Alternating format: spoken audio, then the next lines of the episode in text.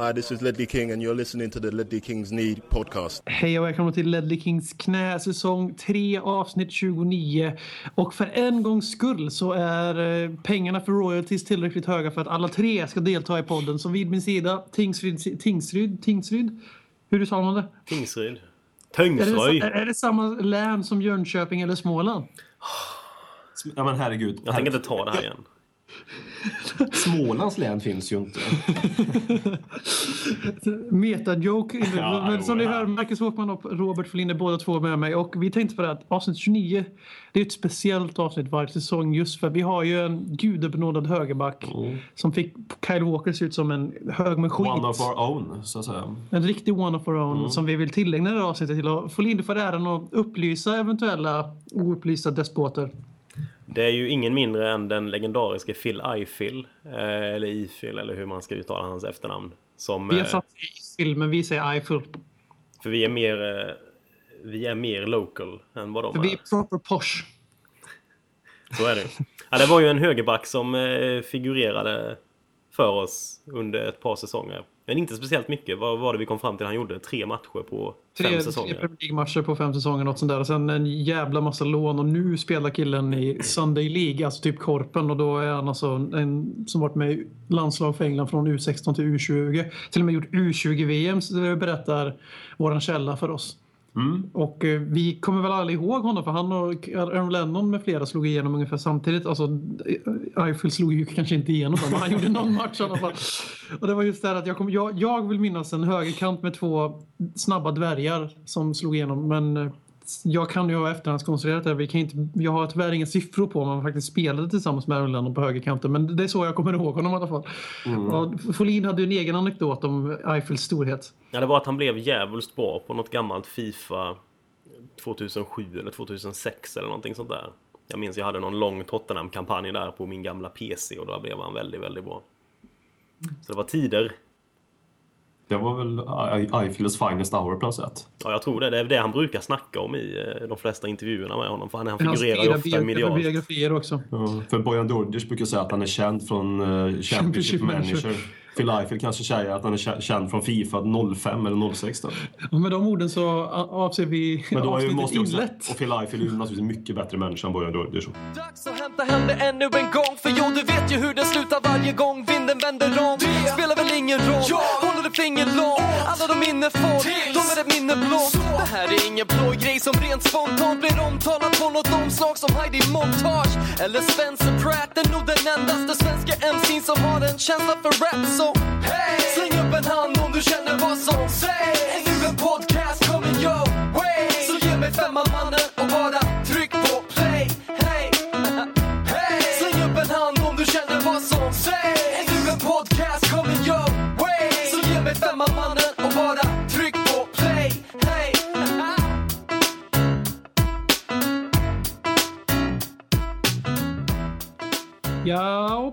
Sen eh, podden spelade in sist så har ju något lag från eh, någon håla i England eh, som har rött på sig fick ju äran att slå Tottenham då i en ganska tydlig upplagd match, eller uppgjord match.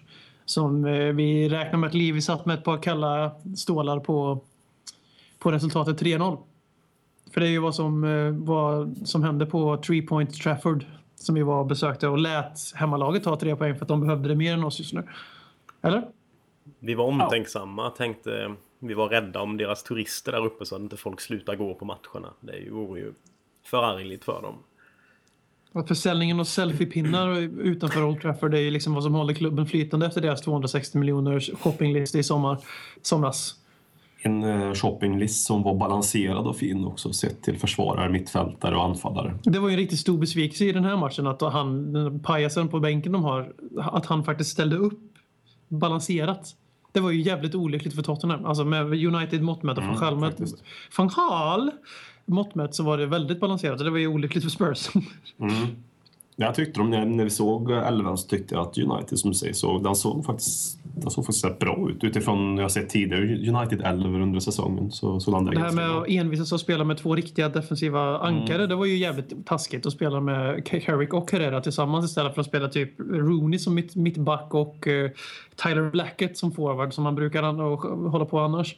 Jag tror det finns någon statistik, eller klart det finns en statistik, men som är väldigt uttalad när Carrick är med och när Carrick inte är med i Manchester United den här säsongen, att han har en extremt betydelsefull roll rent poängmässigt. Lite grann som Bentaleb. Ja, på tal om Bentaleb. Han hade inte en bra match i Tottenham. Var det någon som hade en bra match? Var det någon som inte skämde ut sig mer eller mindre? Den jag, någon jag tyckte kanske skämde ut sig lite mindre än de andra var väl Danny Rose. Kan jag tycka. Han var väl en av få försvarare också som faktiskt lyckades ta en boll någon gång under matchen. Sju tacklingar, vunna tacklingar jämfört Ja. med noll för resterande backlinje. Det är ju helt, alltså det är ju befängt för fan. Ja, Det är det är riktigt märkligt. Alltså att två Det innebackar är en högerback. Lamela-nummer det där på tacklingen. Från Danny Rose, ja. Ja. ja. Ehm, Och, nej, det var, ja, men det, det var en väldigt konstig match. Vi kändes väldigt, väldigt dåliga från start till slut egentligen. Det var... det, kändes, det, kändes, det kändes off. Vi var inte där. Alltså, Nej. visst, det var väl okej inledning. Det var inget, United ju inte belägrade ju inte Loris direkt. Men så gör de 1-0 väldigt tydligt i matchen. Det, det kändes bara liksom, det, det fanns inget. Nej. Det var liksom inte en anstymmelse, anstid, antydan till eh, kraftsamling eller någonting. Det var liksom... Det var, så, det var som en försäsongsmatch i intensitet, tycker jag. Alltså, efter, alltså, efter United gjorde sina mål. Som de fick till, till skänks alla tre, mer eller mindre. Ja, det första målet ser ju så oerhört billigt ut. Men när Fellaini liksom drar iväg på en djupledslöpning och springer ifrån hela backlinjen. Det är ju... Det värsta med det var att det var tredje gången de slog en djupledsboll på ytan mellan Dyer och Walker. Ja. På, på bara några minuter, för det kommer jag ihåg jag satt och tjatade om i soffan flera gånger. Att vad fan vad de kommer igenom där hela tiden. Och Ja, och när Fellaini kommer igenom på fucking djupledsboll då vet man att någonting är, att någonting är off. Mm. Ja, och, men, det målet tycker jag också Mason lite som jag annars. Som ju brukar vara min jättegosse här i, som jag alltid sitter och försvarar. Där han går ju bort sig ganska rejält med i. Han försöker gå upp i press på Carrick. Ja, och han är ju alldeles för långt för bort för att det, Det är ska liksom- funka. markera istället. Var ska han slå bollen om du stannade? Men eh, det var många som gjorde bort, det var många som gick bort sig på 1 målet. Vi har Dyer som står och håller hand med fetongen och eh, lämnar eh, Fellaini i all typ av yta. Och det är ju för sig att Mason täcker den ytan i första sekvenserna. Men sen så tjurrusar ju Mason på bollhavare och ensam. Samtidigt står Chadli utan att ha någon gubbe och bara titta på. Det är väl förmodligen han som ska egentligen ha Carrick då. Så det var en fin kollaps. Så jag ville skylla det på Chadli för jag vill komma in på Chadlis insats mot United. Ska vi gå över till det då? Vad tycker ni om Chadlis insats mot United? Håkman. Eh, Chadlis insats. Jag vill prata om en annans insats, bara en sekund. Kyle Walker. Fan, jag, tänkte, jag försökte rädda honom. Alltså han eh, var hemskt jävla dålig den här matchen. Alltså något fruktansvärt generalusel i ett lag som var generalusla nästan på alla positioner. Kan det vara vila efter skadan? Nej, jag vet inte. Det, jag har ingen aning, men det var alltså... Det var hemskt, hemskt usel på enda position. Han kom fel in i duellspel också. Han brukar vara ganska bra stark i kroppen i duellspel, men han kom även fel in i det. Det var precis Hans som... noll vunna tacklingar det styrker ju din tes. Ja, och, hans, ja, och han drog ner några gånger, men det gjorde han ju mycket i affekt när han blev bortgjord. Så gick han in och kapade dem i efterhand. Som ledde till att de fick en farlig frispark istället. Det var ingenting som ledde till några mål i ett sånt läge. Men det är ju bara det- tur. det- För, det var ju faktiskt bara flyt med tanke på hur fälla in i totaldominerade Dyer i luftrummet. Mm, ja, verkligen. Ja, nej, det var, ingen, det var ingen fin match utav honom. Och det var ju inte bara honom, som du säger. Det var ju den spelaren du började meningen med när jag tog Kyle Walker. Men jag, jag har en tes här. Jag har märkt att ditt agg mot Kyle Walker har trappats upp sen din bil gick sönder. Och i din bil så hänger ju en doftgran som har Kyle Walkers skepnad. Ja, jag sa ju det, att jag fick en spell på bilen när han kom in i min bil. Det, Så det, det, jag, för jag känner att ditt agg mot honom växer varje Kan vecka det som du växa? är utan din bil. Har du en Så nu känner jag doftgran i bilen som ser ut som Kyle Walker? Ja, jag fick utav uh, Dronsfield när han var där borta i England. Så han köpt med sig en eh, med Kyle Walker. Så efter det har bilen börjat kraschat helt enkelt. Ja, precis Och som Tottenhams försvarsspel på Old Trafford. Ja, min bil har nog kraschat. ja, Min bil kraschade nog mer har jag en känsla av, med, med kamrem som gick av. Och 15 000 kostar det. Så, ja, ja. Jag är ju ingen jävla droglord från Colombia heller så jag kan ju inte betala det här just nu. För- Före vi går över till att eh, prata lite, lite balans så kan vi gå in på Nasser Salis insats. För att jag tror på riktigt, alltså vi brukar prata i den här podden så är det ju ganska klart eh, agenda för eller mot Andros Townsend och eh, för alla andra spelare. Jag utav två utav tre i alla fall. Ja, men just den här matchen, inte för att Townsend var bra, vilket bytet efter 30 minuter, men det kommer vi in på senare. Jag tror seriöst, jag tror jag sa det till dig när vi såg matchen Håkman att jag tror inte Andros Townsend har aldrig gjort en sämre, aldrig ens varit nära att göra en så dålig insats som Nasser Chadli gjorde mot United. Men han får, det blir inte samma skitstorm utan det blir samma som var på Chadli i fjol. Utan det är liksom, men det är inte samma, för tänk om eh, han hade blivit utbytt efter 30 och Lamé, eller vad säger Townsend hade stannat på 90 alltså, och gjort samma insats som Chadli. Han hade ju liksom blivit jagad till ett annan, en annan klubb. Det måste ju vara att han tror på Chadli, att han vill ge honom tid att misslyckas. För den här matchen var nu... Han gjorde inte ett rätt. Nej, Det var ju en Han- situation i första halvlek där framförallt som du reagerade på. Ja, en passningsincident. Han skulle slå en boll på djupleden mot var det Harry Kane, Kane som, som som springer djupled. Och han, han, han liksom använder tre, fyra bolltouch för mycket och då är anfallsmomentet borta. Så och då slår han bollen i fel läge också. Han slår den i fel yta när han börjar slå bollen. Så liksom det, det var många fel.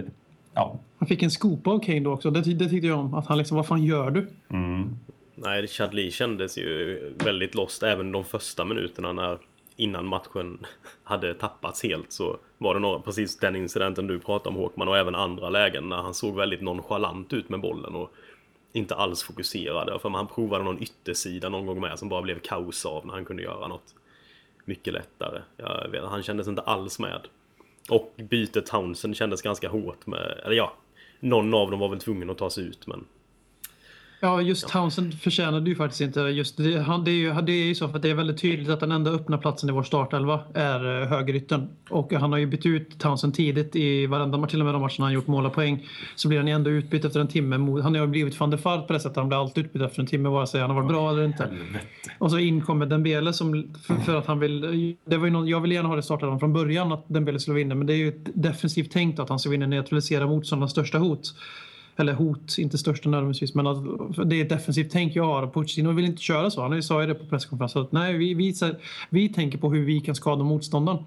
Och det fick han ju jävligt fel i, i, det här, i den här gången. Att, men eh, att agera efter 30 minuter visar ju ändå viss pondus. För det är ju ett hårt byte att göra. Det är inte kul att bli utbytt efter 30 minuter när laget kollapsar. Men eh, det visar ju ändå... Hade AVB gjort det? Det tror inte jag.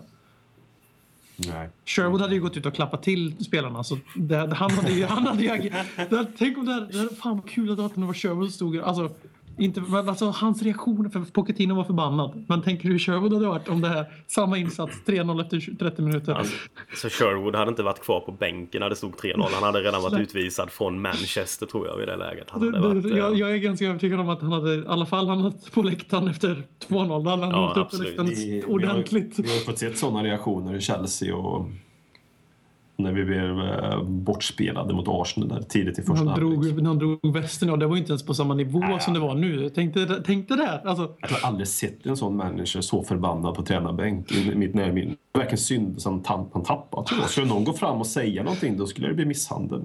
Han, Just Arsenal eh, när han stod och ventilerade. nästan. Ja, det, men han var arg. Alltså det var på riktigt. Alltså, Ja, ja, ibland, så, ibland så undrar jag hur mycket som är genuint från köpet. Men det kan man inte tveka på att det var genuint. Det var, det var, han var arg. Han hade ju erkänt det nu, eh, Sherwood också, att han hade kallat, om det var Chelseas assisterande manager för a patronizing cunt eller något sånt där. Och sen fått ringa upp honom på kvällen, för han hade ju sagt att han, han hade ju tappat det helt. Han hade, sen några timmar senare att han hade ju insett att oj, det där var inte så smart att säga kanske. Men just då sa han så var jag, ja, jag kunde inte hjälpa det. Men eh, ska vi tolka den här? För det här var ju en riktig platsmatch. Vi får väl vara överens om att det är sämsta matchen sen eh, Harry Kane tog över laget. Och sen Everton någonstans kanske. Och eh, ska vi tolka den som att det här kanske var... Det här blev liksom baksmällan på vårt in, alltså våra helt sjuka spelschema i februari och eh, januari, februari, mars och eh, cupfinal och allt det där. Vi har ju, liksom, vi har ju haft reaktioner vi inte sett så bra ut men nu här och nu så gick luften ur oss totalt. Vi hade ju inget att hämta. Direkt efter 1-0 så var det kört. Mm. Vi, vi kommer ju inte, alltså vi skapade en målchans hela matchen. Det är typ 89 minuten Mele hittar Kane. Något sånt där. Och, det var, då ramlade, första skottet mot mål var det. Mm, och då ramlade Ske och satte sig på bollen utan att ha en jävla aning om vad han gör. Det var ju väldigt typiskt. Men- 3-1 där och allt kan hända. Ja, tre, men 3-1 var det känns bättre. Då gjorde vi mål i alla fall.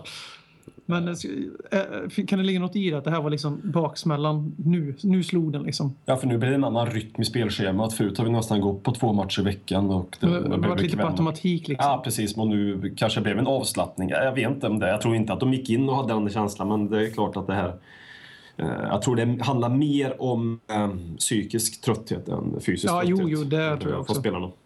Det var ju Hugo sa ju det efter matchen att de, de blev eh, tagna av hur United spelade. Vilket jag kan tycka var lite kanske märkligt för så jävla bra tycker jag inte United var heller. Alltså de, gjorde väl, de gjorde väl en helt okej förstorat insats. som fan i Men media. De var bra var de, men det låter ju som att United spelade som under sina glory days när de var tripplar och skit. Det Mm. gjorde de inte. Det var snarare vi som var väldigt dåliga. Sen så gjorde de ju oss dåliga förmodligen då. Men eh, jag tycker också att det här hypen på United efteråt, det säger en del om hur dåliga de har varit. Mm. Och tyvärr var väl det här lite av en reaktion, för alltså, de fick lite av en catch-up-effekt. För Mm. de gjorde tre, fyra skott i första halvlek. Det är ju inte direkt... Men Nej, eh, så, nej. alltså det... Så jävla bra var inte United och sen är det oroväckande då att vi blev så tagna på sängen av det. Men det är you live and you learn. Vi, Ja. Eh, vi hade väldigt ungt lag igen och vi diskuterade det i alla fall i här i Karlstad när vi satt. Att en spelare som Dyer kanske spelar den här matchen för att han är så jämn med Fazio. För att det är ingen idé att, Fazio kanske hade varit bättre att spela för han har ett driv och framförallt inte spelat lika mycket det sista. Men och han kan brottas med Fellaini bättre än Dyer uppenbarligen. Men att, eh, vi, att han väljer i de här 50-50 duellerna vi har på våra, i startelvan, det är väl två, tre platser, då väljer han den unga killen. För att varför, alltså skillnaden är så liten så det är lika bra att bygga för framtiden nu. Är det, nå, alltså, Mm. är det någonting ni köper eller tycker ni att man ska liksom spela där man anser vara bäst? Nu kanske Pochettino, säger inte att det här inte går att ha, vara både och, men Nej, jag tycker man ska köra Dyer, speciellt när Dyer och Fazio, enligt- hur jag ser det, är så pass jämnbra så att säga. Hade eh, den andra spelaren varit någon klass högre upp än Fazio då eh, är det ju inte försvarsbart för de bästa ska ju spela. Men ligger de på ungefär samma nivå ungefär, då är det väl att föredra att spela framtiden. Även om Fazio nu är 27 år och det är faktiskt, eller 28 kanske. det är ingen ålder för Det är en ingen ålder, absolut inte mittback heller. Så jag menar, det, är lite, det är ju hårt att han ska bli dragen från någon form av ålders nazism liksom.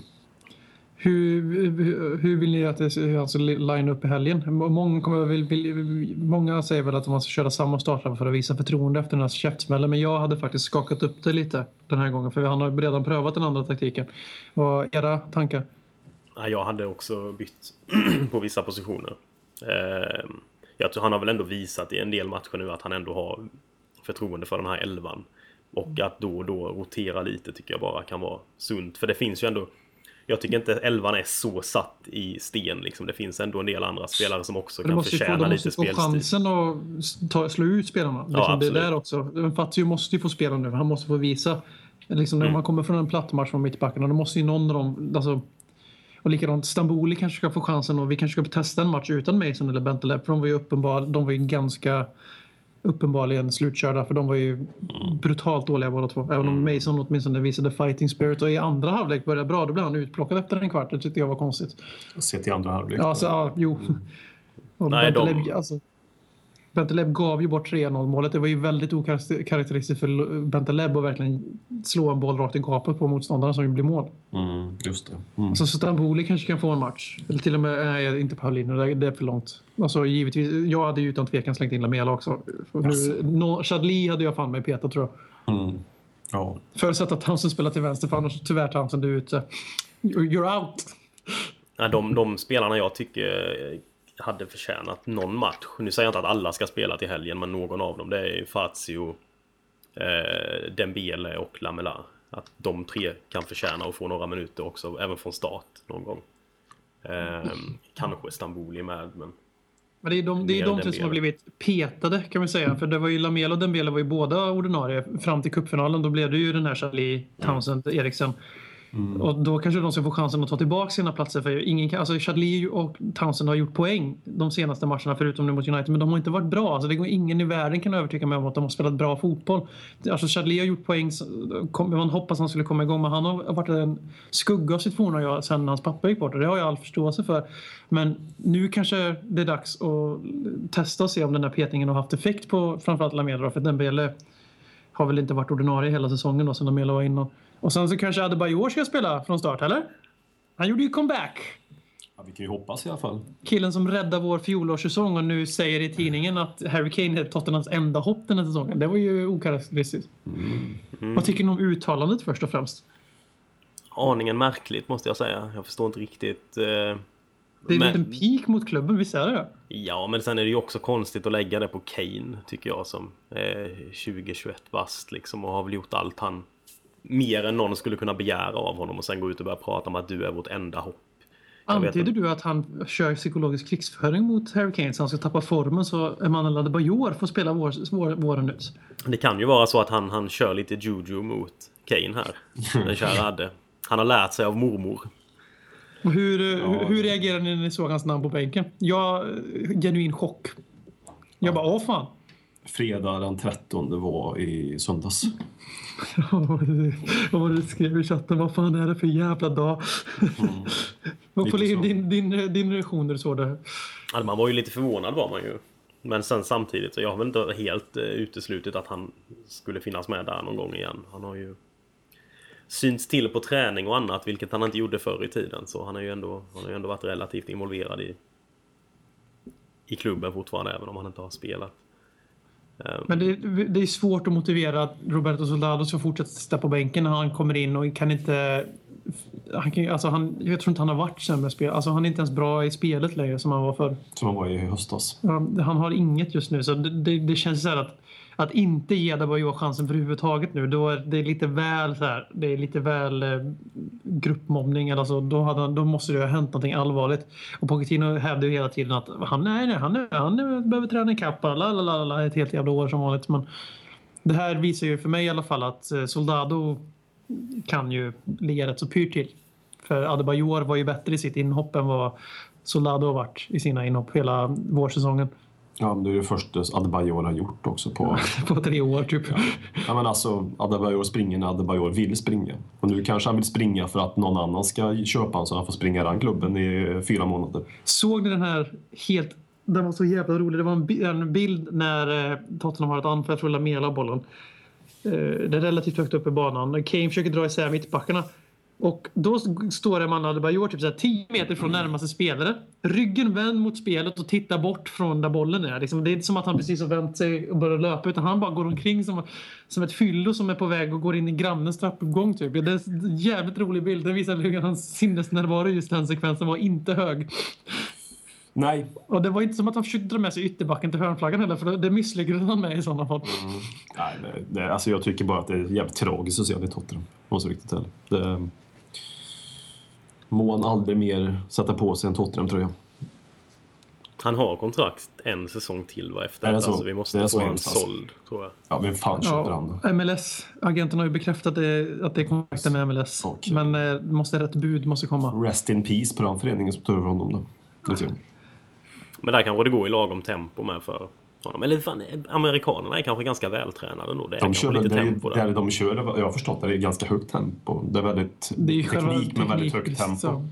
Sen så är det, jag kan, kan ni tänka er något bättre än en- än när man hade Bajor i David Beckhams Miami-franchise. Han diggar ju Miami, life is good. Ja, jag skulle precis säga det. Finns det något lag i Miami? Men är det där Beckham har dragit igång? Ja, jag vill minnas att det är där de ska starta Ja, sin är franchise. Har, de, har de kommit in i MLS nu inför den säsongen? Eh, inte, nej, det tror Är det jag nästa inte. säsong det kanske? Nej, ja, Men det då har kan jag han, ha- Jag vet då att kan han ju ha det gott ett halvår. Eller utlånat till Manchester City. Mm, och som lånar ut honom till... New York City. Det är kanske det han ska göra istället. De Det finns, kan, de det finns ju andra klubblegender i andra lag som har gjort Inte bara våra klubblegend Adebayor utan tjockisen Frank Lampard. Ja. Är det någon slags konsultfirma tror vi, den här nya New York City-laget? Det är ju väldigt många, väldigt många som tror att de kommer köpa massor med spelare och sen eh, låna ut dem till City för då går de ju runt eh, Financial Fair Play-reglerna. så att de kommer egentligen bli köpta av City och så kommer de stå i New York, Red, Red, New York City FCs namn och sen så kommer de lira för City. Det är skönt att du säger New York Red Bull för ungefär så den äkta så, så äkta den föreningen känns. Som en Red Bull-förening. Det finns bara ett äkta New York-lag och det är New York Rangers. Boom! Ja, nej, New York Mets säger jag. Jag låtsas brännboll. Men ja. Så vi lämnar den här jävla matchen bakom oss. Jag tycker det. Det var, spelarna gjorde det efter åtta minuter så vi kan väl göra det nu en vecka Efter senare. 38 minuter. Ja. Vi är mer svettiga än vad de var.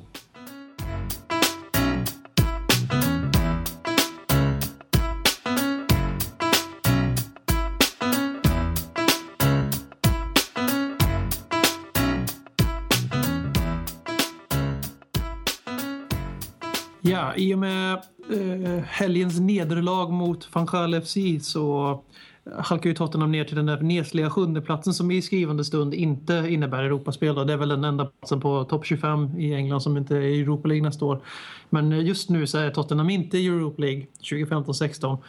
Och eh, jag säger Europa League för att alla är ju medvetna om att Champions League-drömmen är död eftersom vi nu ligger sex poäng efter United med nio omgångar kvar att spela. Det är ju helt omöjligt att ta in sex poäng på 27 möjliga. Mm. Det, det händer ju inte. Nej, Framförallt inte när United och Liverpool möter varandra i helgen. Nej, precis. Och vi har, väl, vi har ju ett ganska okej spelschema kvar. Vi har ju City borta. Eh, som är väl, och så Southampton borta, men det är ju ingen möjlighet på något sätt. Tycker jag personligen. Absolut inte. City, bort, City, är, City hemma. hemma. by the way. City mm. hemma, förlåt. Det är ju inte, då har vi ju liksom nio winnable matcher på något sätt. Sådär. Mm. Även om City hemma är tufft så är det ju ändå... Det är ju ändå spelschema ja, som är fint. Aston Villa hemma kan bli tufft, men det ser ju ganska bra ut. Och sen så, så fjärdeplatsen är ju inte död. Nej, och sen framförallt det här med att United och Liverpool möter varandra här. Någon av dem kommer, alltså förhoppningsvis blir det kryss och så att vi tar tre på pinnar mot Leicester. Det är aldrig, aldrig lätt att vinna mot nedflyttningslag men vi, vi måste göra, om vi ens ska vara med i diskussionen om de här jävla topp 4-platserna då måste vi helt enkelt förvänta oss att vi kan ta tre poäng hemma mot jum, jumbon. Framförallt när jumbon är överlägsen jumbo också. Ja, och För de hade en match mindre så ja. Skitsamma, de är och, sist ändå. Och den här jumbon Leicester måste ju också gå för att vinna matchen eftersom de ligger så pass långt efter som vi är inne på. Eh, så det kan inte de, har ju, komma... de har ju sju poäng upp till säker match. Ja, de, de kan ju inte komma till White Lane och småspela även om de säkert skulle vara nöjda med en poäng. Som de gjorde i när de gjorde två mål efter vi tog ledningen. Mm, men de skulle säkert kunna vara nöjda med en poäng fast eh, ja, de behöver nog gå för en trea och det, det talar ju bara för oss ännu mer som jag ser det. Och sen finns det en revanschlust från våra spelare från eh, det dåliga spelet. Inte att vi förlorar, men framförallt det dåliga spelet. Men, då, men den här käftsmällen kan vara nyttig. För att nu, jag tror att det här blev ju både eh, alltså, den re, försenade reaktionen på matchandet, tror jag, men mm. också en väckarklocka för dem. Att de hade kanske fastnat lite i någonting. Mm. Att nu, nu jävlar får vi tagga till här, det här var inte okej. Okay. Mm. Och det kanske hade varit bättre för det, det visade ju vissa brister liksom, som vi måste ta till på. Mm. Men eh, Sen som personligen så tror jag inte vi kommer komma fyra oavsett om vi gör det starkt här slutet. För jag tror bara inte, jag tycker Liverpool snarare än United eh, heter. De lyckas ju ta Swansea borta. De brukar ha svårt mot Swansea borta i alla fall. Det har ju alla lag i hela England. Men de, de vann och de har en jävla bra form. De spelar bra. De är inte som United som gjorde sin, enligt min kompis som är United-fan, som gjorde sin bästa match för säsongen mot oss. Medan vi gjorde förmodligen vår sämsta. Mm. Så att, och liksom Ja, det jag tycker inte de är så jävla imponerade med tanke på pengarna de har pungat ut. Så jag skulle säga att Liverpool kommer vara de som tar fjärdeplatsen och vi kommer bli sexa. Mm. Det tror jag är racet och det är jag helt okej okay med. Mm. Nej, det är ju verkligen, Liverpool har ju verkligen medvind nu. De har ju tajmat den här toppformen ganska perfekt också. Um, eller jag vet inte om, kan, om, det kan bli mycket bättre. Också, det jobbiga är ju också att spelet har ju satt sig där. De är ju tillbaka i det här jobbiga. De hotar ju som satan i um, i djupled igen. Och ja, det verkar ju ha klickat allting där. Henderson gör ju mål i varenda match verkar det som. Han petade, han jag glömmer alltid att köpa honom Han petade Gerard och då, då började det lossna för Liverpool. Det är en ganska eh, fin läxa där för, för andra tränare som eh, gärna spelar. Nu sitter vi inne på Svenska cupen. Bayern åkte ja, ut i som... Du behöver inte kolla den skiten längre. Mm. Och det enda som eh, som det enda som kanske på något sätt skulle tala för Tottenham är ju att vi, ingen tror på oss. Att eh, liksom, spelarna bör ju inte känna någon jättepress för att Ja, det, det, känns inte som det är någon som tror att vi ska ta detta, varken supportrar eller experter. Vi kan koppla in en fråga, lyssnarfråga. Jag vet att Andres Catraccio, ursäkta uttalet, han skrev på, på Facebook, Lelle Kings knä, skrev man ju hur kan vi rädda katastrofsäsongen, vilken placering är okej? Okay? Och då, då säger jag ett, vi har inte haft någon katastrofsäsong, punkt. Två, ja, sjätteplatsen skulle jag köpa. Till jag, jag köper sjunde också för så jävla mycket bryr jag mig inte. Men jag vill spela i Europa för jag tycker vi ska alltid spela i Europa. Framförallt när vi har många unga lovande spelare igång som vi kan spela i Europa League-matcherna. För om, varför, alltså, varför inte? Om vi, vi bryr oss ju uppenbarligen inte 110 procent på den här kuppen. Så varför inte ta chansen att spela Onoma? Varför inte spela Kyle Walker Peters och allt vad de heter? Liksom, varför inte? Europa tack! Det visar sig igen att Rednep var rätt ut för tre, fyra år sedan. Ja, fast man kan ju balansera. Man behöver kanske inte bara spela reservlaget. Mm, Man behöver, kan, bara, kan ha lite... måste inte alltid ja, vara ytterligheter, Håkman. Nej, jag förstår. Folin, katastrofsäsong? Extremism eller inget, för fan. Katastrofsäsong? Eh, ja, nej? nej, det tycker jag absolut inte. Jag menar, innan säsongen hade man väl ta... Alltså, en sjätte plats är väl lite vad man kanske hade kunnat räkna med. Speciellt med tanke på att vi var ju, ganska, vi var ju väldigt passiva i somras när det gällde att värva också. Breddspelare enbart. Jag tror att, eh, ja det var så Pochettino ville nog ha en säsong med att känna på spelarna och veta vad han hade att ha dem för någonstans innan han Och sen, det är tredje, och tredje tränaren på tre säsonger. Eller på två och en halv säsonger. Det är klart som fan att det tar lite tid. Alltså, att vi, vi kommer ju till sexa med Sherwood också. Sherwood AVB. Men om vi, då kan ju hävda vi står och stampar då, som Arsenal har gjort alla jävla år. Men tyvärr så verkar väl de vara en kandidat till andra platsen i år. Men att eh, jag tycker att även om vi kommer på samma position eller till och med sjua efter ett väldigt starkt Southampton så tycker jag ändå vi tagit tydliga steg framåt för vi har klarat av att gå långt i en inhemsk cup. Vi har inte gjort bort oss i Europa League även om vi är minimum för godkänt i Europa League och ut i första slutspelsomgången får man väl lov att säga. Men Ja, det är ju FA-cupen vi har Den- gjort ja, bort oss i. den, den gav vi bort helt. Men det, det är ett yngre lag än någonsin förr. Det är yngsta laget i Premier League som lirar. Det är ganska många som kommer försvinna i sommar. Om de, det är de här unga killarna som kommer bli kvar uppenbarligen. Så att jag, jag ser med framtiden till tillförsikt. Och jag, eh, jag har väldigt svårt att hetsa upp mig och bli rasande och sånt just nu. För att jag är så tillfreds med framtiden just nu. Och det är obekvämt. Det ska inte vara så när man hejar på Spurs. Ja, vänta du. Vi sitter där i oktober när Pochettino får ki- kicken efter 4-0 på- i arslet mot Liverpool. 28 oktober. Det är då vi brukar sparka tränaren. 28 oktober. Har vi gjort tidigare. 28 oktober, it's coming for you. Martin Jorl fick sparken 28 oktober och... Uh, nu tappade jag namnet här. Afasi. Spanska tränaren. Juan de Ramos. Fick sparken den 28 oktober. Inte Afasi och Filthy som rappar. Nej, precis. Eh, Men om man säger som går in på eh, engelska spåret här. Då tror jag det blir Chelsea, City, Arsenal och Liverpool som blir Ja. topp fyra. ja, fast jag tror fan med Arsenal har god chans att bli tvåa. City Ja, ja, ja. är Mm. inte vassa och eh, Arsenal är tyvärr, tyvärr duktiga som vanligt på våren. Det är tur att de eh, inte köper färdiga världsstjärnor i alla fall för då, nu kommer de faktiskt kanske komma tre. Och det som krävdes var att köpa en, en världsklass-spelare från Barcelona för 500 mil. För att gå från fyra till tre. Det är fan... Uff. God investering. Eh, Men alltså, jag... Det är ju betydligt större fiasko för United om de skulle missa topp 4 än vad det är för oss som missar topp 4. Eh, Ja, Exempelvis. Att vi... eh, Alltså, nej men för jag förstår inte riktigt att, att Spurs... Fanns det en sån kravbild innan den här säsongen att det var topp 4 eller dö? Jag kände inte det i alla det är fall. alltid den Jag det jävla topp fyra där. Så jävla fan. less på det.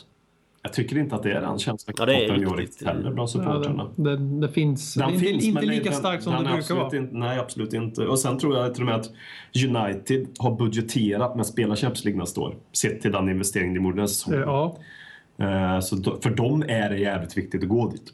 Framförallt för prestigen att punga ut så mycket spelare. Ta in van Gaal och så ha den svansföring de har haft den här Ja. säsongen och så spela som jävla kratter och bara vinna på individuell briljans. Ekonomiskt också.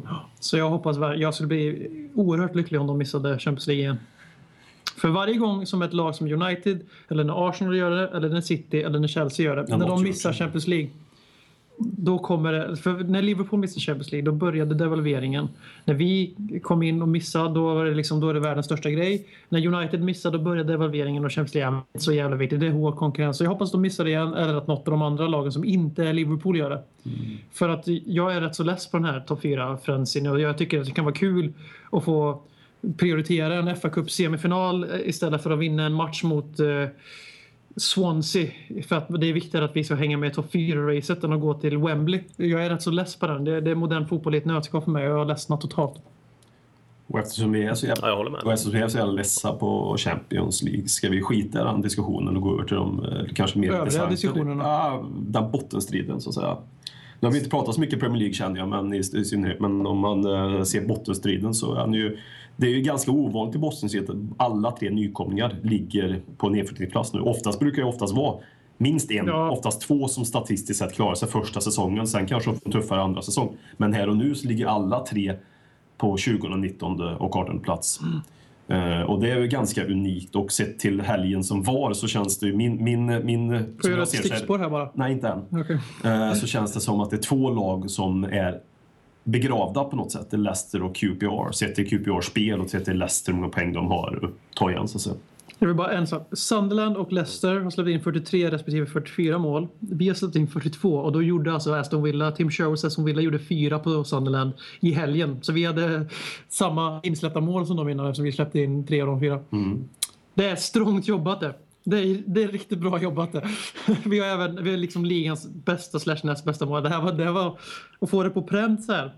Vi, vi är så bortskämda så vi lever ju högre upp i tabellen än där.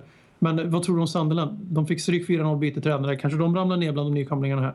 Ja, mycket möjligt. Men ja, Sandren har ju en praxis på att sparka tränaren när det är typ tio omgångar kvar i, för varje Premier League-säsong. Och så kommer det in en, eh, för några år sedan en galen till Canio eller en galen poet. Nu Dick Avocat. Han är väl inte lika galen men...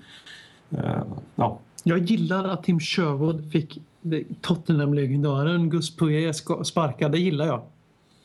Well done Tim. Det var en riktig Tottenham-legendar som skickade ut en, en låtsas Tottenham-legendar. Ja, helt, nu, nu, nu, var det nu alla Poyet-kramare? Ja, nej, alltså, jag, då, då kommer han in här, den ena poetkramaren.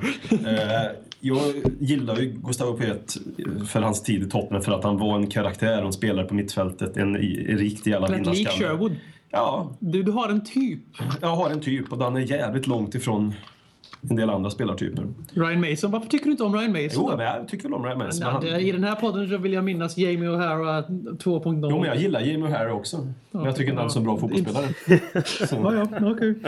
Du hade svar på allt idag tydligen. Du är på Du hugget. gillar, du gillar Jamie O'Hara mer som personen som fotbollsspelare. precis. Han verkar vara en bra kille. Så, ja, det är en jävligt snygg tjej också för mig. Jävligt nice sidospår. Ryan Mason, visst ska han få nummer åtta när Paulinho säljs? Ryan Mason nummer åtta, det är, det är ju sexigt. Och så ska ju Bentaleb Ja, ja, givetvis absolut. få Kabuls nummer fyra. Mm. Och eh, så får ju... Det. Kane ska ju egentligen ha nian eller tian, men han vill nog kanske ha 18 för han valde ju det själv. Klinsmann, vet du. Men eh, ja. Är det det tror vi är den får, Klinsmann? Eriksen, får Eriksen tian nu när Adebayor såls? Vad sa du? Ja, det är ju... Ha- den Vill han ha upp. 10 eller tycker han om 23? Vi hänger upp en.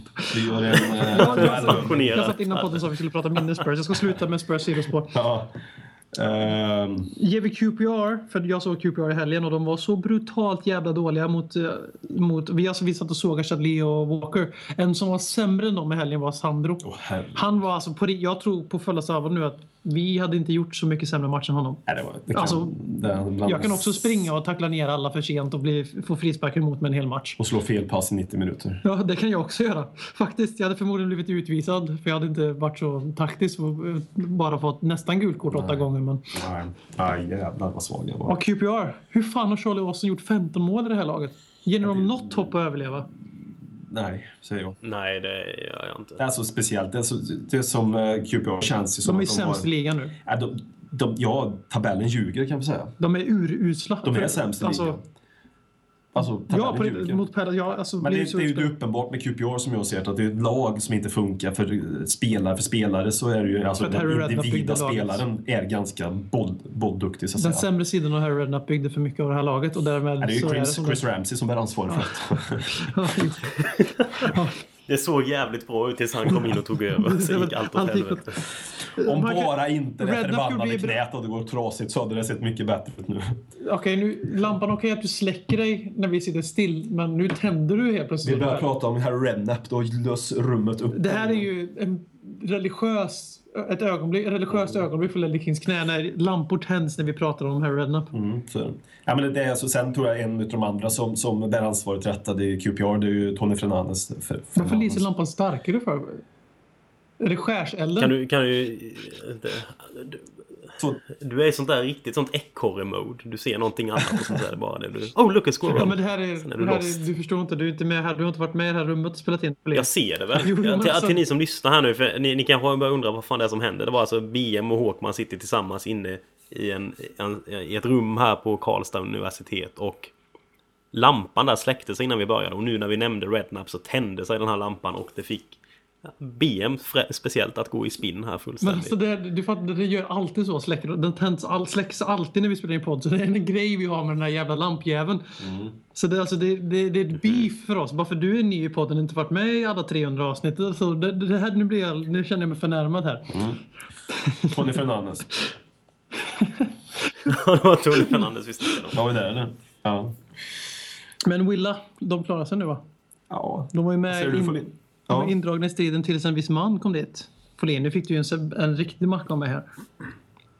Mm, det tackar vi för. Ja, de, de har ju ett ganska tufft schema, eller de har ett väldigt tufft spelschema kvar. Faktiskt. Men de har ju de, har ju de två matcherna här nu som de verkligen har varit tvungna att vinna har de ju vunnit. Och jag ser det väl som att jag tror det står mer mellan Sunderland och Burnley om vilken av dem som ska klara sig kvar.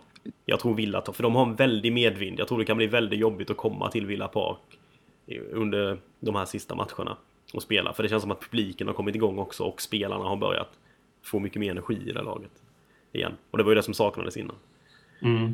Ja, det är ju så. Alltså, ju- det, som jag sa, Hall kan ju också vara indragna där. Jag vet inte exakt vad de har för spelschema kvar. Ja, men de har ju gjorde gått de på... är också bara tre poäng Ja, och de har ju gått på lite samma mode hela tiden, samma växel nästan hela säsongen. Och lyckas de andra gear up nu, liksom både Sunderland med ny tränare, Eh, som oftast blir en positiv effekt, i alla fall de första fem matcherna statistiskt sett, men överlag så blir det ingen större förändring. Och lyckas de och Aston Villa lyckas eh, fortsätta på någon form av fin våg, de har kommit in nu och, Ja, då tror jag, jag tror någonstans faktiskt att det står mer Sett till Sandra spel sista tiden så är det ingenting som tyder på att de borde klara sig kvar. Men det, alltså det, om det är tre lag, det är Burnley, Sunderland och Hull som jag tror får fightas om den där sista. Så vi, För att undvika den där sista platsen ner till så vi eh, drar gränsen vid Everton då på 14 plats. De ligger ju 6 poäng från nedflyttning då. Ja, I och med är två alldeles- raka segrar. Så vi, det är liksom de lagen under 15 och neråt. Ja. Och då säger vi att Aston Villa ligger rätt så bra till förutsatt då att den här kudden de har, för de har bara tre poäng till Burnley, så de har ett sjukt tufft spelschema som du var inne på Flynn. Det är verkligen alltså det kan fortfarande gå illa ganska fort för att det, de har ju vunnit tillbaka fansen med Sherwoods två der- derbysegrar och så 4-0 nu. Men eh, jag tror de kan förlora dem ganska fort också beroende på motgång. För det beror ju på hur Sherwood hanterar en, en rejäl motgång i sitt nya jobb för nu går ju allting hans väg. Han har aldrig haft en motgång. Nej, precis. Någon gång kommer den första. Men det går inte, det går inte att ta för det in, inte ens, in, Ingen kan ju ta ifrån Tim Sherwood att han har väckt eh, Gabba. Agmalahor nästan landslagsmässig och han har fått Benteke att vakna och då... Ba, alltså, det blir förringa honom samtidigt som att man hyllar honom men alltså, han har fått två spelare att prestera för de har fått lite tro på det igen och det tycker det är kul att spela under honom och det är all cred till honom. Och de, de två har gjort en sån stor skillnad i Aston Villa som är alldeles för bra för att vara indraget i den här striden, från, på papper i alla fall. Om inte de hade haft så jävla usel målvakt. Har man Brad Goosen i mål då, då, är, då är man aldrig säker. Nej. Han har ju väckt de här två killarna och fan Agban Lahore, jag säger det igen, han är landslagsmässig. Om vi snackar om Townsend till landslaget så är Agban Lahore given. Han är Ja. ju grym. Alltså, han ser ut som den där killen som man alltid köpte på FN för några år sedan. Just den, eviga talangen. Tim Sherwood, alltså han väcker någonting i spelare, det får man fan ge. I alla fall de som kanske har ledsnat på förra tränaren. Ja, Men den Sunderland tror jag, jag hoppas, jag tycker fan, de, de, för någon säsong sen hade jag lite halvsympati för Sunderland och tyckte det vore Sen kul om de klarade sig kvar. Men just nu känner, jag, nu känner jag bara fan skicka ner dem liksom. Till League One eller någonting. Det, Ja, jag har ju, Jag har tröttnat lite på dem. De alltid så här sparkar tränaren i slutet. Sen köper tränaren 12 nya spelare under sommaren. Och sen är han kvar till mars. Och sen sparkar de honom. Och sen gör de samma sak Vilken av nykomlingarna vill du 17:e rädda plats. då? Om du får ta ner Sunderland. Burnley, QPR eller Leicester. Vilka räddar du Ja, kvar? Burnley. Burnley i sådana fall. Ja, jag med. nej. De har väl han, de kallar för, vad kallar de han för? Ginger Mourinho? Ja, exakt. Sean Dyche. Av någon anledning. Eh. Ja, jag tycker han är ganska... Han, är ganska Han ger svar på tal till. Mourinho också. Det är ju få tränare som... Han har en underbart hes röst också efter matcherna. Eh, Jag gillar hes, folk som har hes röst. Så att säga. Det är därför jag har alltid haft en förkärlek till Demi Moore. Hon har en liten hesare röst. Jag gillar. Men så mycket med att göra, men- släpper vi bottenstriden där och så tar vi titelstriden och där kan vi bara säga en sak. Grattis Chelsea. Det kommer aldrig jag säga, men... Jag menar inte, men jag sa det. ja, nej, de har väl vunnit detta. Och de får, de får vakta pokalen till nästa år när Tim Sherwood kommer och lyfter den. Med Aston Villa. Nästan vill jag. Ja. Eller ja, vem vet, han kanske är någon annanstans då. Är det no- om vi avrundar Premier League-snack, är det något lag ni vill lyfta särskilt? Alltså, förutom, alltså, är det något lag som sticker ut förutom Everton på 14 plats? Mm. Det, finns det något annat än de eller så vi tar Everton? Alltså jag vill ta ut ett, ett lag som jag, på positivt alltså. Mm. Alltså jag är en sån människa som jobbar i de termerna. Stoke tycker jag.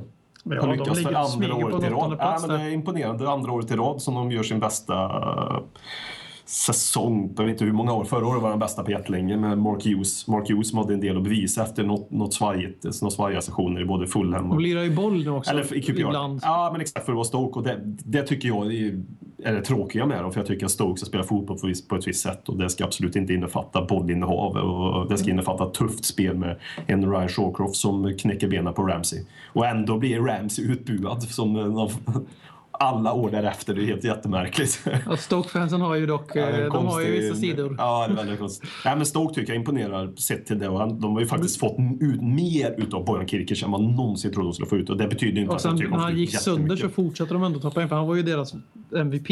Ja, men det är imponerande. Det, det kändes ju som att det var Ja, de har fan fått ut mer av honom än vad Barcelona fick. Alltså, ja, bortsett från hans succé absolut. genombrott i ett par månader som 17 bara så... Det är kanske där Erik Lamela ska spela? Ja, det, det, det, kan, det kan ju vara. Det kan ju vara. Så, så den typen av spelare verkar ju ha udda hem ibland och det här är ju ett exempel på det kanske. Bojan Kirkic har ju uppenbarligen... Bojan Kirkic och Erik Lamela leder Stokes anfallslinje nästa år. Till uh, Champions League. Nej, men Stoke tycker jag har imponerat för mig. Och sen tycker jag liten en liten sån där fjäder i hatten också faktiskt för Alan Pardew. Sen kan man tycka om honom som människa, men han har verkligen fått Crystal Palace att växla upp och de har fem segrar på äh, Han bygger bara vidare på Pulis. Han har inte gjort någonting. Nej, men den, äh, det fanns ju en kille emellan där som byggde ner Pulis, Neil Warnock, som också är en skön gammal klassisk engelsk karaktär som säger fuck varannan, varannat ord. Alltså vi har precis lagat, reparerat relationen med House of Snores och så går du och hyllar Pardew. Mm. Då kan jag säga att Newcastle är det tråkigaste laget i Premier League någonsin känns det som för tiden också. Bara för att kan, kan vi få ner, kan de åka ut eller, eller har de för långt? Nej, de har 10 poäng nu. Ja, det var ju synd. Mm. Det var ju trist. Mm. Jag hade tänkt att lyfta Stoke också som det positiva. Kan man väl lyfta något annat? Jag tycker det är ganska skönt att West Ham har börjat ramla ner lite igen och så att de kom av det här molnet de var och flög på ett tag. Men de sa att de var närmare Champions League än Spurs.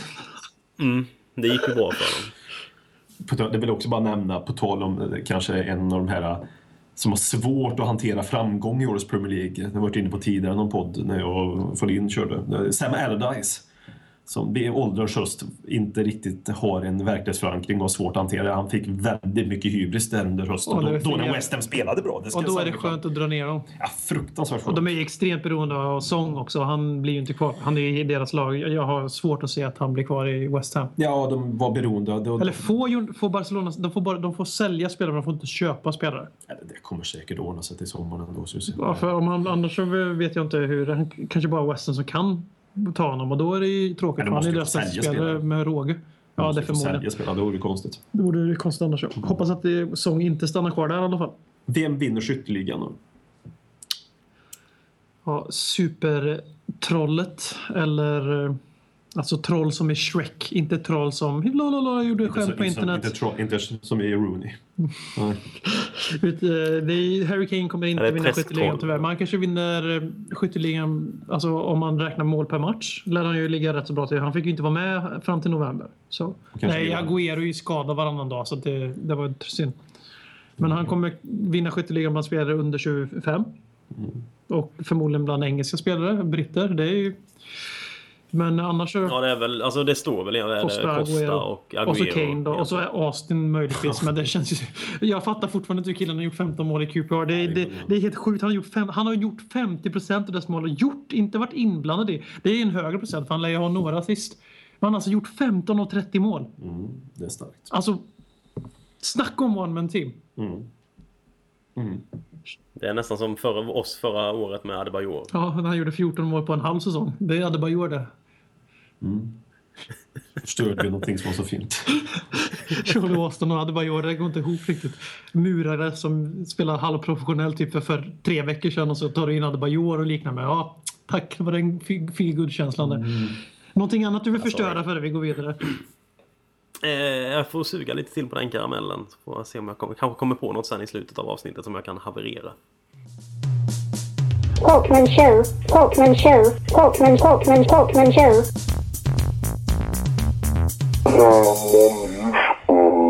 Eftersom BM inte gjorde det vi kom överens om att vi skulle undvika Tim Sherwood-prat för att vi ska ha en egen sektion av Tim Sherwood så gjorde BM alltid sin makt för att radera bort den här fina punkten som Folin är gudfader till. Eh, men jag tänkte liksom lyfta lite Sherwood i mitt snack och trycka ner BM som försöker motarbeta den här fina punkten och den här fina människan.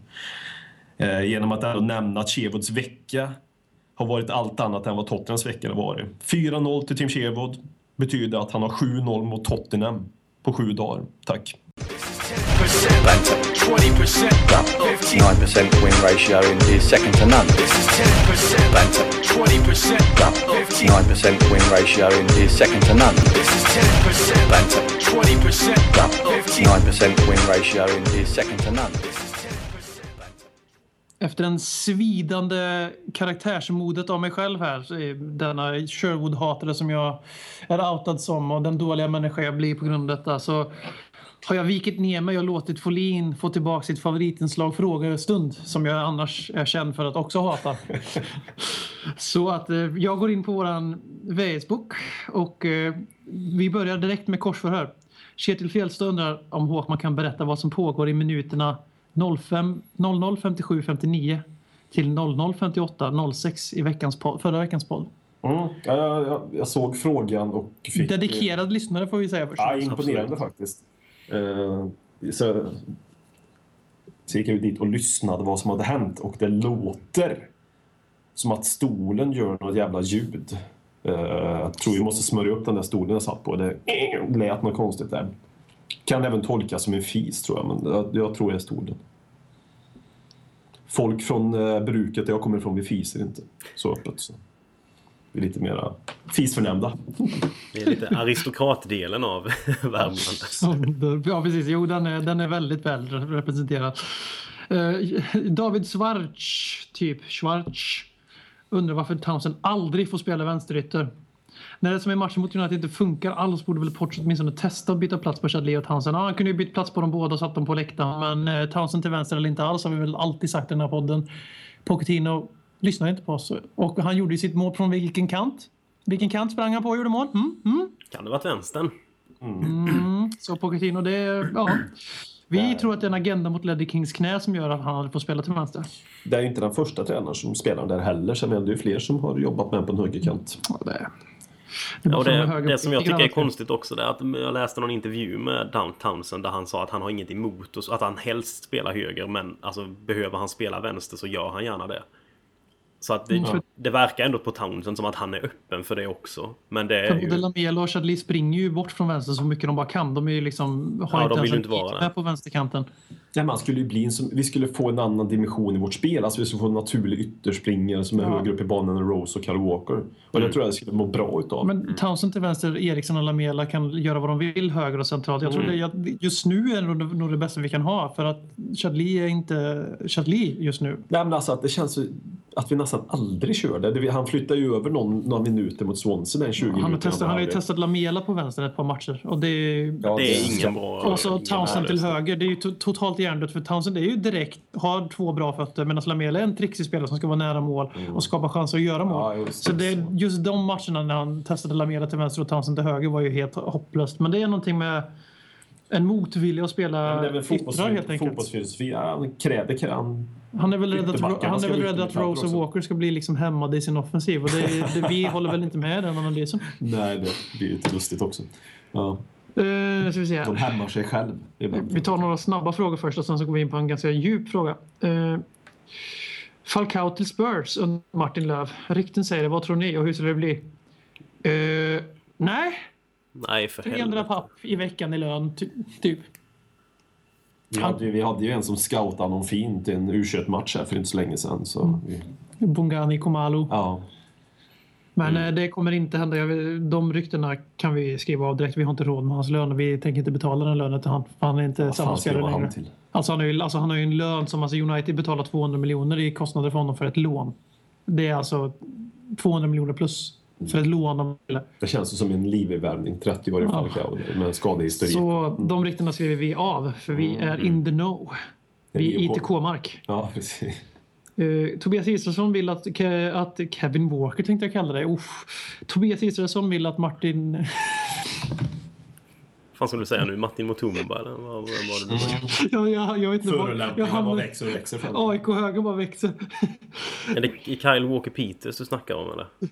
Tobias Israelsson vill att Mar- Marcus Håkman ska säga någonting om Walkers frisyr. Varför? Varför har han den frisyren han har? Den frisyren påminner lite grann om uh, sent 80-tal, när, uh, lite grann uh, hiphopen då på något sätt. Så egentligen borde man ju hyllas. Men ändå, när Kyle Walker har så hyllas man inte. Kan det vara så att det är ett av de enda korrekta besluten Kyle Walker har fattat under hela Ja, säsongen? Frisyren. Ja, det kan ju vara så. Jag, jag gillar en sån som Javier Zanetti som har samma frisyr från eh, 94 och samma till 2005. utseende. Ja. Ja, Zanetti Eh. föddes ju sån. Han Mm. såg ju ut så när han föddes av sin mor. Och sen har han sett ut Där, sån där har vi en Spurs-legendar. Han var ju på plan mot Inter-matchen. Alltså han är ju lika mycket Spurs-legendar som Poirier.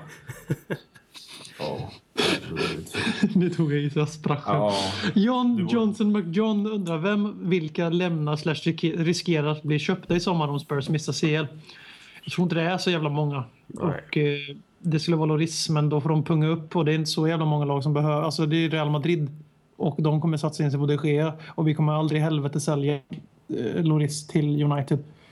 Ja, Alltså, jag tror inte kontrakt. Loris vill gå heller. Det verkade ju som... Jag läste någon intervju nu i, i veckan med honom där han... Eh, Asen Wenger hade ju tydligen varit ute och sagt att Loris kunde spela i ett bättre lag än eh, Tottenham och då hade Loris sagt till Wenger att han borde vara tyst och att... Eh, han sa väl om jag inte minns helt fel att this is the club eh, where I will stay.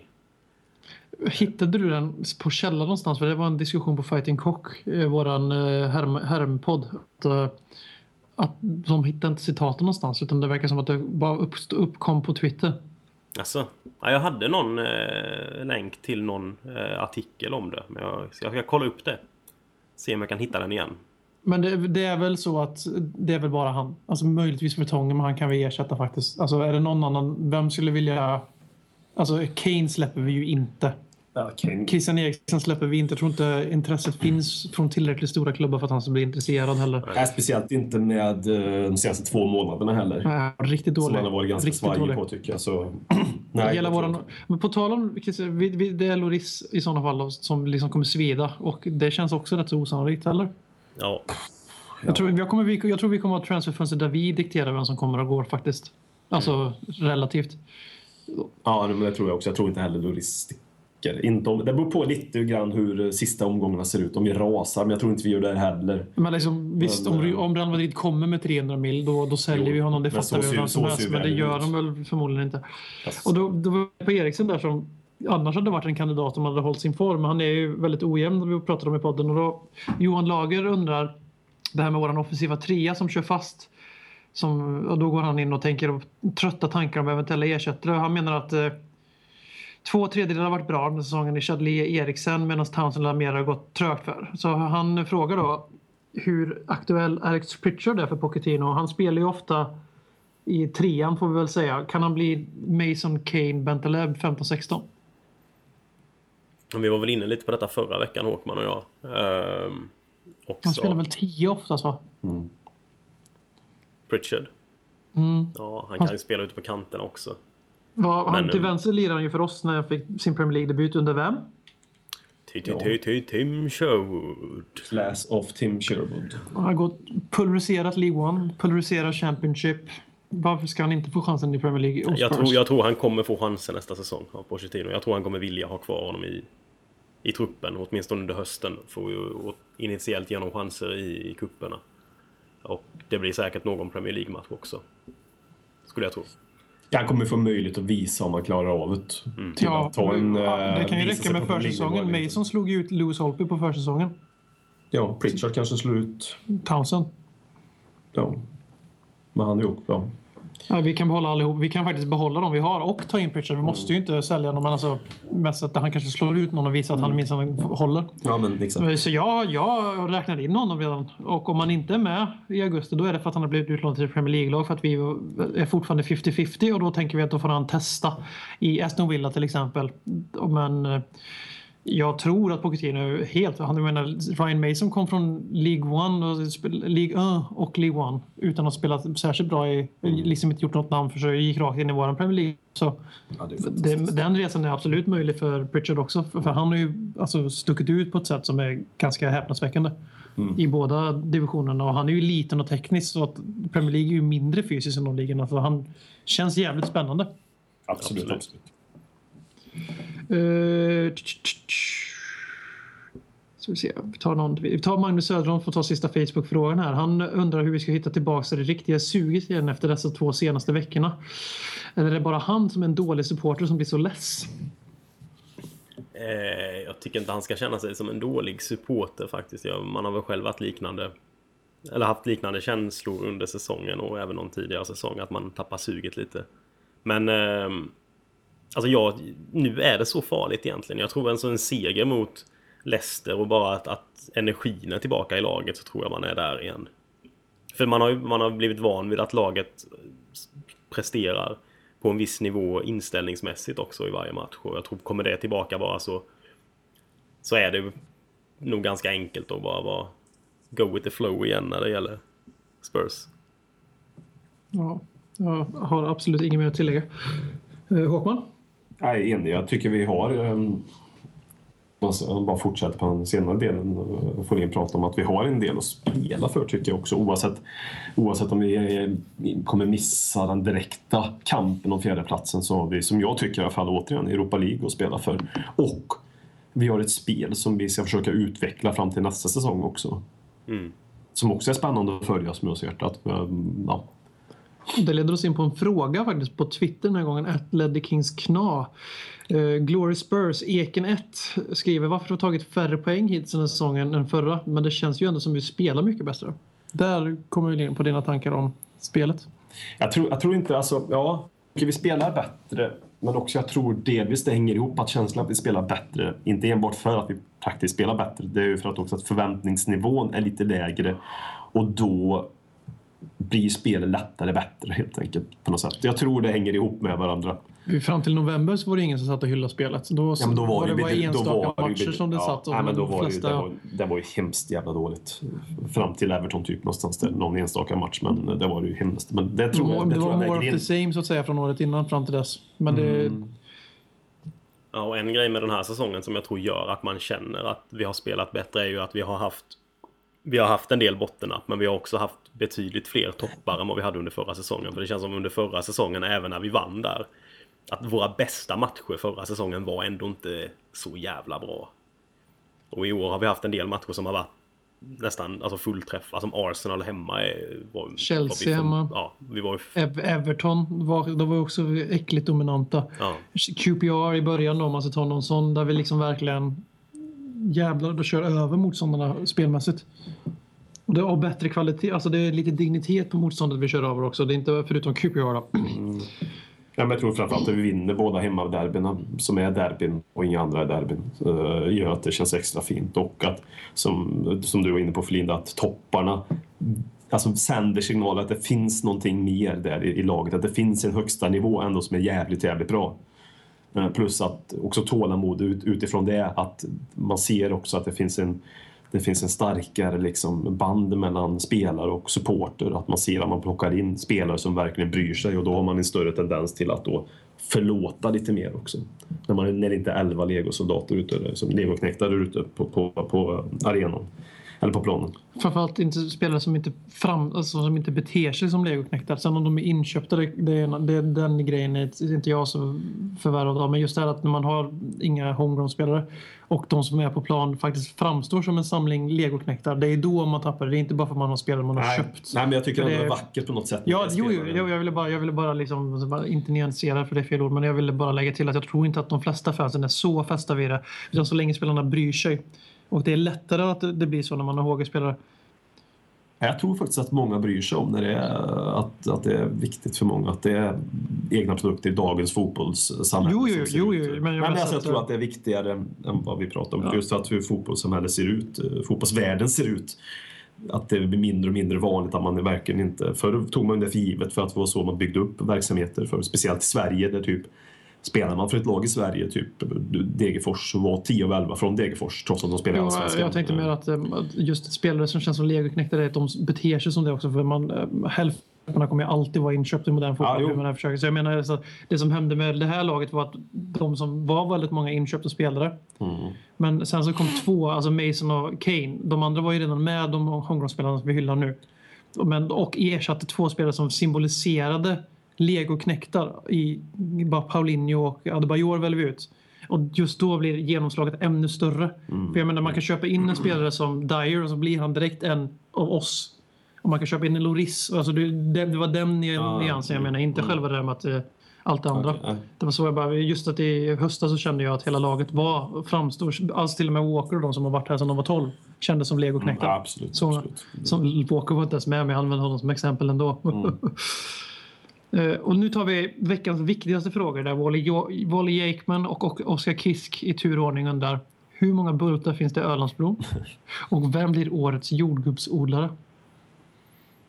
Jag tar ju det här som sim, sim, det, här, det här är ju så här subliminal disses. Det är ju eh, Nile City vi snackar om här ju. Det är ju Rudboy Ja. Stig och Badboy Rune som ska styra upp det här. Så vi får helt enkelt vänta på att jordgubbsodlingen på Öland avgörs. Gav han bort avsnittets titel förra veckan. Jag, jag som försökte tvinga fram Håkman skulle sitta och hitta på något poetiskt svar till allas frågor. Uh, vi tar även en fråga. Vi har, vi, har inte sågat Walker tillräckligt idag så jag tar Anders Friksborns fråga och även Rasmus Larssons fråga i svep. Och då börjar vi med Larsson som är Walker var horribel mot United. Det är dags att ge Jedlin ett inhopp. Han är skadad. Och en eh, du? En kommersiell värvning enbart. Mm. Och så har vi nästa då som eh, undrar varför våra ytterbackar är urusla på försvarsspel. Alltså Anders undrar varför våra ur, ytterbackar är urusla på försvarsspel. För att det bara finns en ytterback i världen som kan försvara typ nu för tiden. Eller två. Eller Danny Rose och... Ivanovic. Branislav Han är ju mittback från början. Ja, han kan försvara. Det är väl att båda, både Rose och ja, Walker blev väl högerback. Ja, okej, tidigare än Rose blev det i alla fall, men eller ytterback. Eh, Men att de är skolade längre upp i banan och helt enkelt tror jag att de, de har inte fått kanske en del grundläggande riktlinjer och träning eh, i den åldern man behöver den för att vissa delar av försvarsspelet ska sitta rent instinktivt. Att de, de pressar, på, de går på när de ska bara eh, följa med och tvärtom. Och de, ja, de fattar jävligt dumma beslut för, i försvarsspelet. Det tyder bara på att de saknar något grundläggande, alltså en grundläggande förståelse för försvarsspel. För det tycker jag ändå Ben Davis kan göra. Det är det jag gillar med honom, där, att han är faktiskt en, en försvarare. Det är inte de andra två. Typ. Världens bästa svar. Men Danny Rose ju var med i landslaget. Ja, ja. Ja, men det säger ju mer om England. Bra, då fick vi in den piken också. Den går ut till Robin Dronsfield ifall han eh, lyssnar. Linus Mo Moonshine säger vi, för det är ett roligt ord för Hamrad. Eh, vem tycker ni känns mest kissbombig i omklädningsrummet? Ja, vad fan kan det vara? Vad fan betyder kissbombig? Alltså... Kan du ta det Folin eller? Tar du det, du är äldre. Det, det är liksom bättre så ålders... Jag har aldrig gjort den själv, men det är väl när man eh, täpper igen toppen på kuken, va? Eller något sånt där. Och så, så fyller man den till bristningsgränsen, så bara släpper man. Är det inte den? Jaha, Okej. Jag tror det är Jag tror det. syftar på. Vad sa du? Och jag tror också det är den han syftar på. Jag tror det är dans, ja, men jag tror det är dans, men jag hade gjort den själv. Men vem som är mest... Om det nu är så... Men du har väldigt mycket kunskap. Från, jag som aldrig har gjort det här jag visste inte ens vad det var. Men du hade ju värsta insiden så du... Ja, mm, mm. Jag är uppväxt på bruket, vi hade lite att göra. Vem tycker ni känns mest kissbombig nu när ni har fått Håkmans definition? Om det nu är den som är faktiskt. Är det också. Men ja, vem som kan vara i Tottenham nu. Jag tror det kan vara så att det, att det är det är Harry Kane, fast han gör det av misstag. Alltså han menar inte att göra det, utan han står bara med sin lite sådär halvlosta blick inne i duschen och sen så... Så tittar han, bara händer det han förstår inte vad det är som händer. kom inte med i podcasten men det var fantastiskt. Det var inlevelse. Den som är minst kompatibelt är det väl ändå Brad Friedel någonstans.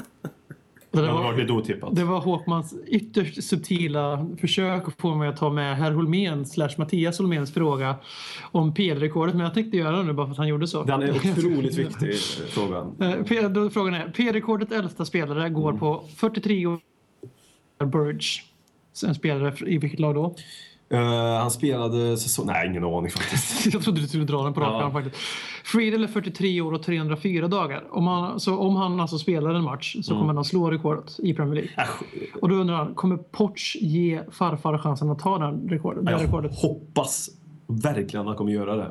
Eh, otroligt, otroligt viktigt för mig att han blir den här nästa spelaren. Och att, han, och att han då naturligtvis spelar för Tottenham tar det. Är det som är själva poängen. Jag problematiserar. Alltså, har ens Brad Friedel koll på det här? Ingen aning faktiskt. Alltså för, Herr Holmén har ju koll på det. det han får det- tweeta Tottenham. Ja, är det dags att vi startar en kampanj på Twitter? För att liksom Please play, bring back free Brad eller något. börja en sån där jobbig “Please re- retweet to spread awareness”. Mm. men jag hoppas på riktigt att han verkligen får bli den äldsta för det är väl de sista månaderna han är aktiv som fotbollsspelare. Han ska gå till Chelsea nästa år, vad fan. Ja, men ja, det gör han inte. Nej, Han måste köpa, de måste köpa ut honom från hans civila kontrakt. Ja, som det. Eh, Jag säger så länge, alltså sista, last week of the season och vi inte har något att spela för, varför inte? Alltså, om, vi, Mm. om vår position är låst, om det blir fem eller sex, Europa eller Europa, då finns det ingen annan. Men om vi slåss om en fjärdeplats i sista omgången, då nej. Då, iskallt vore inte det då? Vi slåss om fjärdeplatsen. Friedel kommer in, släpper in tre, gör en sån där, som den där Arsenal, den där målvakten Arsenal köpte när vi höll på att före dem. Ja, Martin Fulham. Så han som släppte in och ja, Ja. Han gör en sån match, fast inte med flit. Eller- Så vi missar Champions League före Arsenal. Jag ser ju istället att han går in och tar en straff i 89 För Tottenham. Första straffräddningen han gjort sen... Ja, Sen, sen muren föll. Och Ja, bryter var- lårbenshalsen i räddningen och sen är det liksom säsongen Rullar ut, slut. rullas ut på boar till stående ovation på White Hart Lane. Ja. Och sen så gör Arsenal 1-0 i 97 och när det var egentligen 30 sekunder tilläggstid. Och Arsenal tar fjärdeplatsen ändå. Mm, mm, ja. Steve Bold kommer in och gör det här målet på huvudet för dem. Har vi tappat det lite nu eller? Ja, lite grann så kanske. Men det var, det, var, det var veckans sista fråga, så det var bra att det spårade där. Det taj- tajmade vi in bra. Gjorde vi. Och eh, vi får ge förslag eh, på en hashtag vi kan dra för att få Brad Friedel att få slå det här PL-rekordet. För att eh, Bring Back Brad kändes inte sådär jättebra. Så vi, vi, vi drar igång en kampanj här med Herr Holmén vid spetsen så att Brad Friedel får slå det här jävla rekordet. Absolut. Han kan ju bara bli inbytt de sista 30 sekunderna i en match. Det måste ju räknas. Ja, ja. Så låt Brad spela och tack för oss. Tack. Tack.